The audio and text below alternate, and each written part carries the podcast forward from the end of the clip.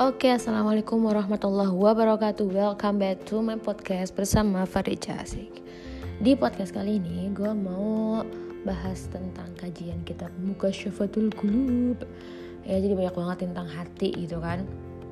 Terus habis itu ini juga podcast pertama gue di bulan Ramadan tahun 2023. Kayaknya tuh gue nge-podcast sudah lama ya, udah sejak pandemi gitu loh.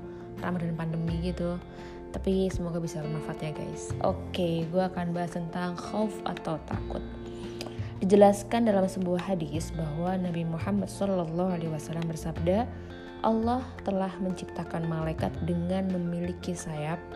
Sebuah sayap di belahan timur dan sayap yang satunya lagi berada di belahan barat dunia. Kepalanya berada di bawah arsh sementara kedua kakinya menginjak bumi yang ketujuh ya jadi bumi yang paling bawah. Ia memiliki bulu-bulu sebanyak jumlah bilangan makhluknya Allah apabila ada orang laki-laki atau perempuan dari umatku yang membaca sholawat kepadaku maka Allah memerintahkan kepada malaikat itu agar menyelam ke dalam lautan cahaya di bawahnya arsh.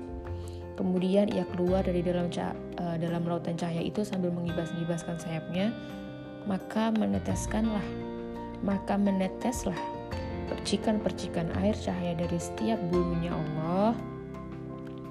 Maksudnya gini, maka meneteskan percikan-percikan air cahaya dari setiap bulunya, Allah menjadikan dari setiap percikan itu sebagai malaikat yang beristighfar.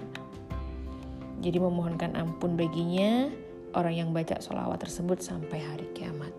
Masya Allah. Dan Allah berfirman, Bismillahirrahmanirrahim. Ya ayyuhalladzina amanu taqullaha wal tanzur nafsum ma qaddamat ligad wattaqullah innallaha khabirum bima ta'malun. Hai orang-orang yang beriman, bertakwalah kepada Allah dan hendaklah setiap diri memperhatikan apa yang telah diperbuatnya untuk hari esok, maksudnya itu akhirat dan bertakwalah kepada Allah sesungguhnya Allah maha mengetahui apa yang kamu kerjakan. Ini di surat Al-Hasyr ayat 18 maksudnya takutlah kepada Allah dan taatilah dia. Bersedekah dan beramallah dengan penuh ketaatan agar kita tuh dapat memetik buah pahalanya kelak di hari kiamat. Para malaikat, bumi, langit, waktu siang, waktu malam akan memberikan kesaksian terhadap apa yang kita kerjakan gitu loh yang dikerjakan oleh manusia yang dikerjakan oleh keturunan Adam baik mengenai kebaikan, kejahatan, ketaatan, maksiat gitu. Bahkan anggota-anggota tubuhnya itu juga memberikan kesaksian yang dapat memberatkannya. Sementara bumi memberikan kesaksian ya kesaksiannya itu yang menguntungkan orang yang beriman tuh guys. Menguntungkan orang yang beriman dan orang yang zuhud. Dalam kesaksiannya itu ia menyatakan dia orang mukmin telah menyembah Tuhan yang maha tinggi. Di atasku dia berpuasa, berhaji dan berjihad di jalannya Allah.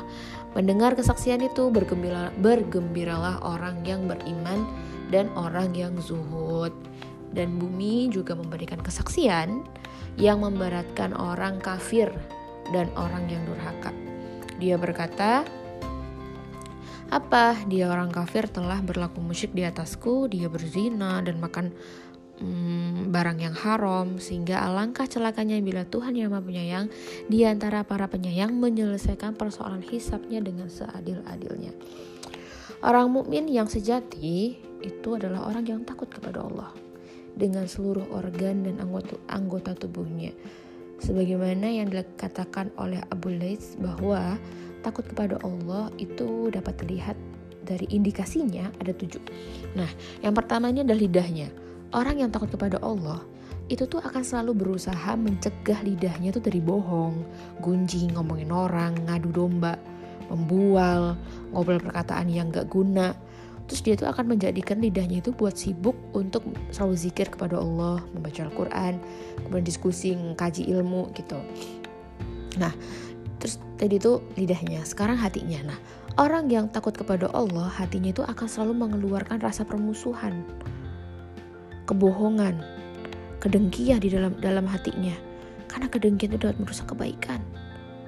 Sebagaimana sabda Rasulullah, al-hasadu ya'kulul hasanat kama ta'kulun narul hatab. Sungguhnya dengki itu akan membakar hangus kebaikan sebagaimana api yang membakar kayu bakar. Bahwa dengki itu juga termasuk penyakit hati yang sangat berbahaya, guys. Dan semua penyakit hati nggak akan disembuhin kalau nggak dengan ilmu dan amal. Tuh. Kemudian yang ketiga tuh penglihatannya. Orang yang takut kepada Allah nggak akan ngelihat apa yang haram walaupun itu makanan, minuman, pakaian atau lain-lainnya deh gitu dan dia tuh nggak mandang dunia dengan nafsu, ambisi, keinginannya, tapi dia memandangnya untuk mengambil um, apa mengambil pelajaran dan ibroh. Dia juga nggak mandang pada sesuatu yang nggak halal untuknya. Rasulullah bersabda, barang siapa yang memenuhi matanya dengan sesuatu yang haram, maka Allah akan memenuhi matanya dengan api neraka kelak di hari kiamat. Kemudian yang keempat itu tentang perutnya. Orang yang takut kepada Allah nggak akan masukin makanan yang haram ke dalam perutnya. Karena yang demikian itu tuh adalah dosa yang besar. Rasulullah tuh pernah bilang bahwasanya apabila sesuap nasi jatuh ke dalam perut anak cucu Adam, maka malaikat yang ada di bumi dan di langit melaknatinya selama suapan makanan itu berada dalam perutnya dan kalau ia mati dalam keadaan demikian, maka tempatnya adalah neraka jahanam. Serem ya. Ini suara gue udah mau habis coy. Terus yang kelima tangannya. Orang yang takut kepada Allah nggak mau nerima sesuatu yang haram. Tapi dia selalu berusaha buat gapai dan ngeraih yang mengandung unsur ketaatan dan dapat ngedekatin dirinya kepada Allah. Diceritakan diriwayatkan dari Ka'ab bin Akbar bahwasanya Allah menciptakan suatu perkampungan dari Zabarjat yang berwarna hijau. Dalam perkampungan itu terdapat, terdapat seribu rumah. Di dalam setiap rumah terdapat seribu kamar. Gak ada yang dapat menempati tempat yang sedemikian indah itu kecuali orang yang apabila disodorin atau ditawarin kepadanya sesuatu yang haram, dia menolak dan meninggalkannya karena takut kepada Allah. Semua kita semuanya termasuk golongan-golongan yang takut sama Allah. Amin. Yang keenam adalah tentang kedua kakinya. Orang yang takut kepada Allah gak akan ngelangkahin kakinya buat jalan dalam kemaksiatan kepada Allah. Tapi kakinya itu digunain buat jalan dalam ketaatan kepada Allah dan mencari ridhonya Allah. Jalan kepada arah kebaikan, gaul sama ulama dan orang-orang yang soleh. Kemudian ketaatannya Orang yang takut sama Allah selalu mengorientasikan segala aktivitas ketaatannya dan kesolehannya hanya untuk nyari ridhonya Allah. Jauhin sifat ria dan munafik. Nah,